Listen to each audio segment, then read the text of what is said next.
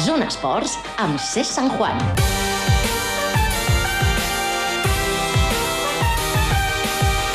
Bona tarda, benvinguts a una nova edició del Zona Esports. En el dia d'avui, especial, un espai que, com no podia ser d'una altra manera, estarà marcat, sens dubte, per aquest partit de l'Eurocup que en menys de mitja hora disputarà el Morabanc a la pista del CD Vita Zagreb. Aquests són els titulars d'avui. Som-hi!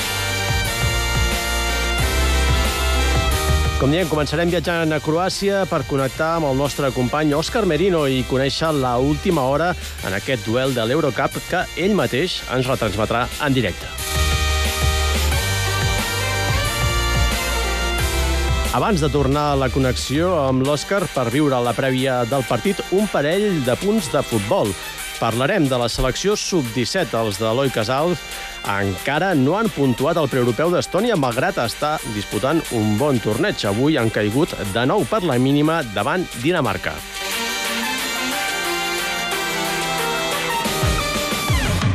Analitzarem també amb Marc Castellsaguer, de la, parlarem de la situació del Futbol Club Andorra, equip que es manté invicta en aquest inici de Lliga. Per cert, que en els propers minuts s'espera que el comitè de competició faci pública la sanció a l'Udo després de veure la vermella directa contra els Sants.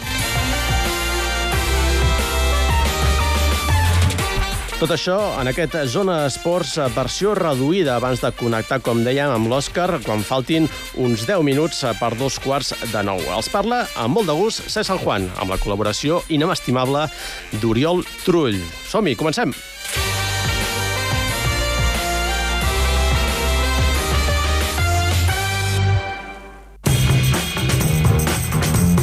Zona prèvia.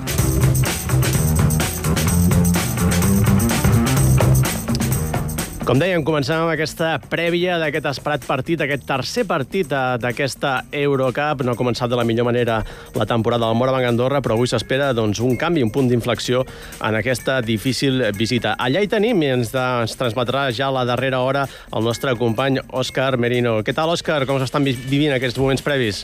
Què tal, Cé? Salutacions des del Dom Sportova Zagreb Arena. Encara poca gent, molt, molt poca gent, a les, a les grades, que van unes 2.500, 3.000 persones, o això almenys és el que ens han comentat, i vaja, tampoc s'espera avui un ple a vessar, un ple absolut per presenciar aquest partit de la tercera jornada de l'Eurocup, aquest Cedevita Zagreb, davant del Morabanc Andorra, un duel entre dos equips que encara no coneixen la victòria en aquesta primera fase de la competició europea i que tots dos, òbviament, doncs això, estan necessitats si volen eh, doncs, seguir encara amb aspiracions moltes tot i que això encara té eh, llarg camí, encara quedarien eh, 8 jornades o queden 8 jornades per, per endavant, però està clar eh, que és eh, important començar a sumar ja i avui un dels dos ho farà. Avui Cedevita Zagreb o Morabanc Andorra, esperem que sigui l'equip de Joan Penyarroia, sumarà la primera victòria en aquesta primera fase de la Eurocup. Tot això comença a dos quarts abans d'acomiadar-te,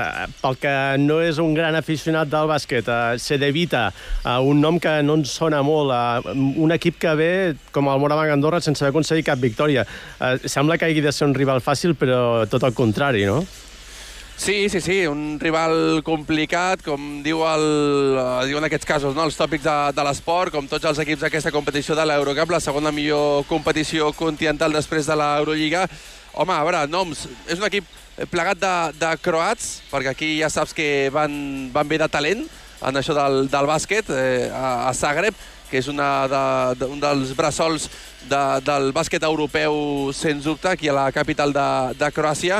Eh, noms que a la gent li pugui sonar, bàsicament, doncs el de Rocco Ukic, l'exjugador va passar per la Lliga Endesa, per la Lliga CB, ex de, de Bascònia, ex del, del Barça Lassa, per exemple, doncs és un dels jugadors que sens dubte més, més sonarà a, a l'afició eh, que ens escolta, però també compta amb el tècnic, eh? molt, molt conegut, un mite de l'antiga Iugoslàvia, eh, Jure Cedovic, que és l'entrenador d'aquest Cedevita Zagreb, que ve compta de derrotar a la Lliga Domèstica a l'Estrella Roja de Belgrat. La mateixa anava, Estrella sí. Roja, Sí, sí. La, mateixa, la mateixa Estrella Roja que no fa gaire, la setmana passada, de fet, derrotava el Barça Lassa a l'Eurolliga. Així que eh, tots atents perquè sabem del que és capaç aquest equip eh, croat, el Cedevita Zagreb. Així que el Morabanc Andorra s'haurà de posar les piles de debò si avui vol inaugurar el seu caseller de victòries a la Eurocup. Doncs, sens dubte, una dada ens, per extremar totes les alertes. Uh, doncs uh, ja no podem robar més temps d'aquesta prèvia, doncs uh, des, quan I acabem cert, aquesta... dues coses, Sí. dues coses molt, molt ràpides per acabar. I bones notícies. Digues. Joan Penyarroia podrà comptar amb Andrew Albicí. Carai. Era dubte per la lesió que patia la diumenge passat a Saragossa en el dit d'un dels peus, doncs m'han dit que està ok, que podrà jugar, i també Oliver Estevich, també amb molèsties en un tendó d'Aquiles, doncs tots dos a les ordres de Joan Penyarroia pel partit d'avui que comença a dos quarts de nou del vespre. Doncs uh, fantàstic, uh, millor manera d'acomiadar-te impossible. Doncs uh, fem aquesta versió express del Zona Esports i res, en 10 minutets doncs, ja tornem a tenir aquí amb aquesta retransmissió. Fins ara, Òscar, gràcies. Fins ara.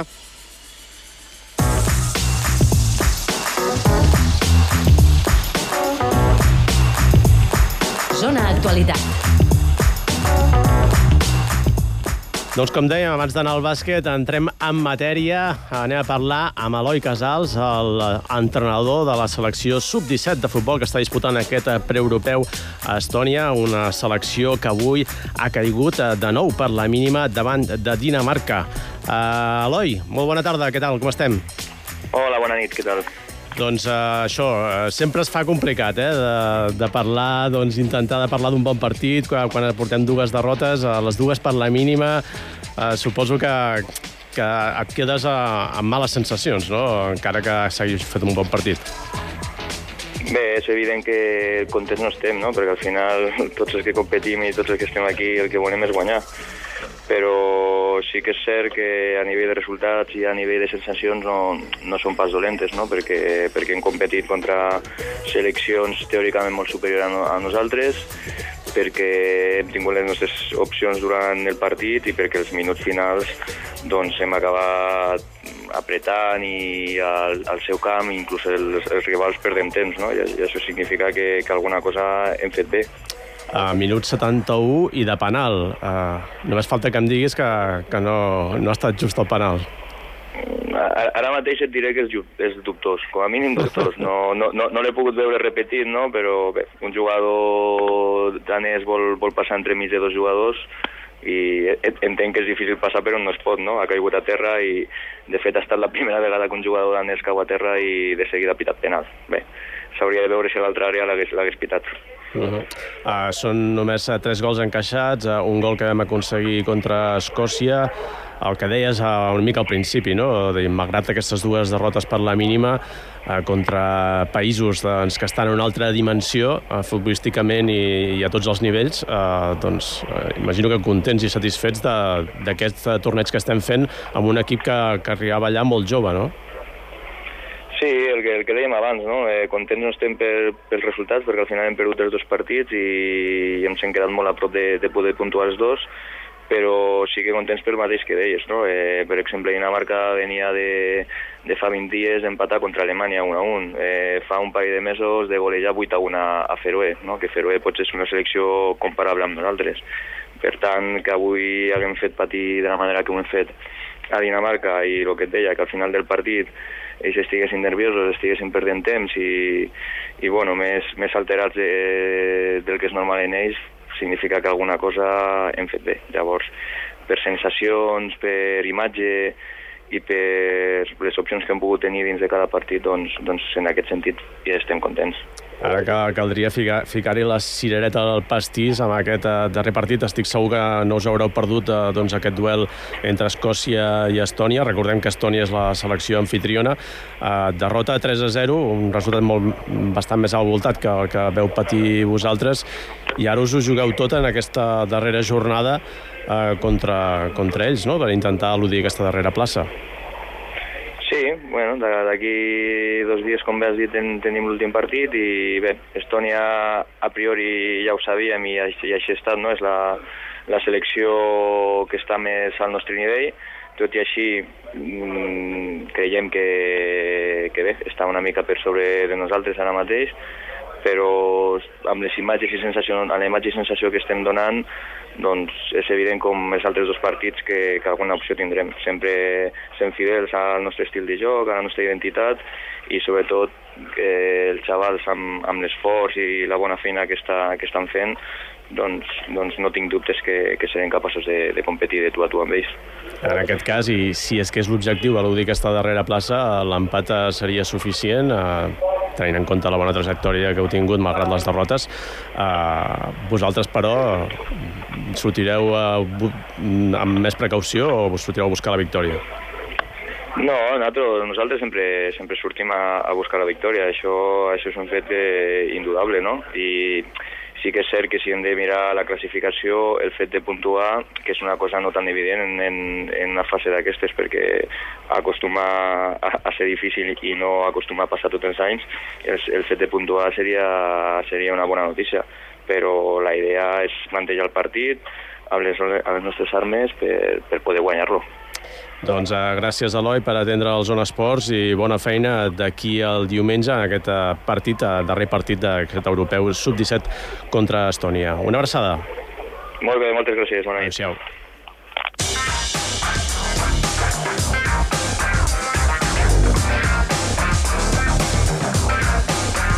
Zona Tècnics. Aquesta setmana encara no hauríem repassat, eh, no havíem analitzat eh, què va passar dissabte en aquest eh, nou partit de primera catalana del Futbol Club Andorra contra un vell conegut com és el Sants. I ara, tot justament, anem a parlar amb el seu entrenador, que, que hem de, per cert, de perdre la connexió amb ell, hem de parlar amb Marc Castellseguer, eh, i de seguida recuperarem aquesta connexió. Com dèiem, a l'equip eh, de Marc Castellseguer que va perdre aquest eh, partit, va, va empatar, perdó, aquest partit eh, contra el Sants, un partit que l'equip andorrà, doncs la veritat és que va tenir moltes més opcions per poder emportar-se els tres punts, però la manca de gol no van poder transformar aquestes ocasions que van tenir al llarg del partit sembla que tenim problemes per eh, tenir aquesta connexió, alguna falta de... algun problema amb el seu mòbil de, per part de Marc Castellseguer i com dèiem, eh, els problemes doncs, que també va tenir l'equip doncs, per aconseguir el, uh, arribar al gol doncs eh, van ocasionar doncs, eh, que, que finalment doncs, eh, s'acabés amb empat, un, un partit eh, que, com dèiem, havia merescut guanyar a l'equip eh, tricolor.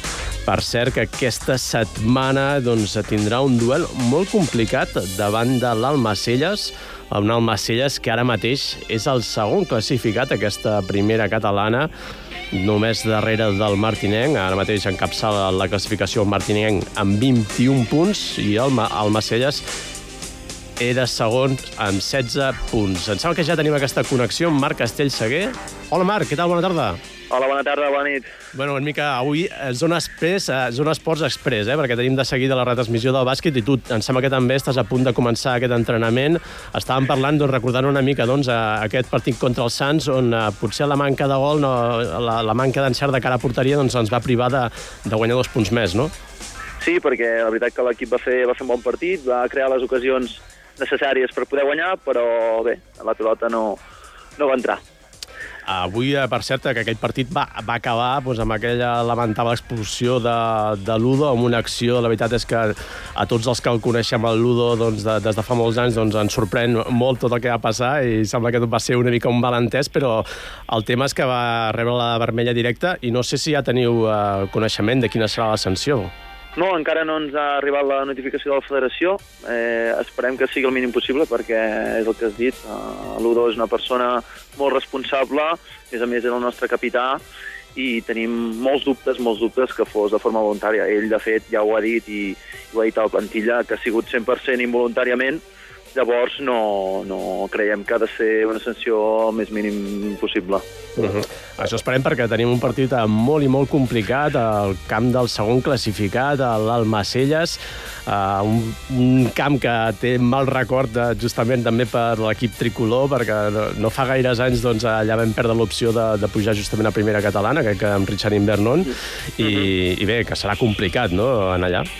Sí, la veritat que té un equip eh, molt potent, molt potent, tant com en defensa com en atac, i a més a més és a domicili. Llavors, doncs, s'espera un partit molt difícil, però intentarem doncs, eh, puntuar, que, que penso que és viable fer-ho. Està, com diem, l'Almacelles amb 16 punts, segon classificat. Eh, Nosaltres estem en el lloc 13 amb 9 punts. Eh, Sabem que tenim 3 partits eh, menys, però també acostuma, torna a passar el mateix. Eh? Nosaltres 9 punts en el lloc 13 i si tens dos punts més te'n vas fins al lloc 6. Eh, No sé si esperes, com l'any passat, a una primera catalana, encara que haguem canviat de grup, doncs tan igualada. Bueno, eh, sí que és cert, tenim aquests partits, aquests tres partits menys. Eh, en principi ha de ser molt similar a l'any passat, molt igualada a tota la categoria, tots els partits. Tot i així hi ha un equip que despunta moltíssim, que és el Martinenc. Llavors, doncs, el Martinenc ara mateix va a un, a un, està a un nivell doncs, eh, segurament eh, superior a la resta dels equips i després venim els altres, no? Intentem nosaltres estar el més amunt possible, però recordem, hem de ser molt prudents perquè eh, de l'any passat aquest any doncs, eh, hi ha hagut canvis a la plantilla, eh, tenim, anem, anem molt justos a nivell eh, econòmic doncs, per poder doncs, incorporar algun jugador doncs, que ens hauria agradat incorporar. Llavors, bé, tenim una plantilla curta, 18 jugadors, amb gent molt jove, i de ser molt prudents. Evidentment, volem estar el més amunt possible, però hem d'anar pas a pas i, i bé, ara primer de tot és pensar en el partit de diumenge amb el Macelles. Eh, Per cert, ara que parlàvem de la classificació, just l'equip que tens per sobre, que és el Balaguer, ja s'ha cobrat la primera víctima. No sé si t'ha sorprès aquesta eh, renúncia, no? Més aviat estat d'Edu March. Bueno, eh, el futbol eh, moltes vegades eh, penso que, que no just amb, amb la seva gent. Eh, hi ha clubs, hi ha clubs doncs, que, malgrat eh, el Balaguer portava una ratxa de tres partits guanyant i havia tret bons resultats, aquesta setmana va perdre, eh, va perdre, llavors doncs bé, han decidit prendre aquesta decisió. Jo no estic eh, gaire d'acord, perquè al cap i a la fi eh, aquest tipus de decisions a la jornada 8 de Lliga vol dir que el club no té molt clar quin projecte està i quina línia seguir. I més amb 10 punts, que tampoc està una situació tan crítica, no? Per, per això mateix, però bueno, al final són situacions molt concretes, crec jo, i que des de dintre del club sabran els motius principalment per què ho han fet. Tot i així, si no ho tinc mal entès, el míster va presentar la dimissió i el club l'ha acceptat. Correcte. Uh, doncs, Marc, et deixem perquè bé, estàs a punt de començar ja aquest entrenament i res, estarem molt pendents de quina és la sanció finalment per l'1, esperem que sigui el mínim possible. Gràcies, Marc. Una abraçada. Molt bé, gràcies a vosaltres, bona nit. Adéu. Doncs a nosaltres, com diem, avui versió express d'aquest Zona Esports, acomiadem ja el programa, tornarem demà i us deixem, com no, amb aquesta retransmissió amb l'Òscar Merino i el Jaume Esteve. Fins ara, adéu.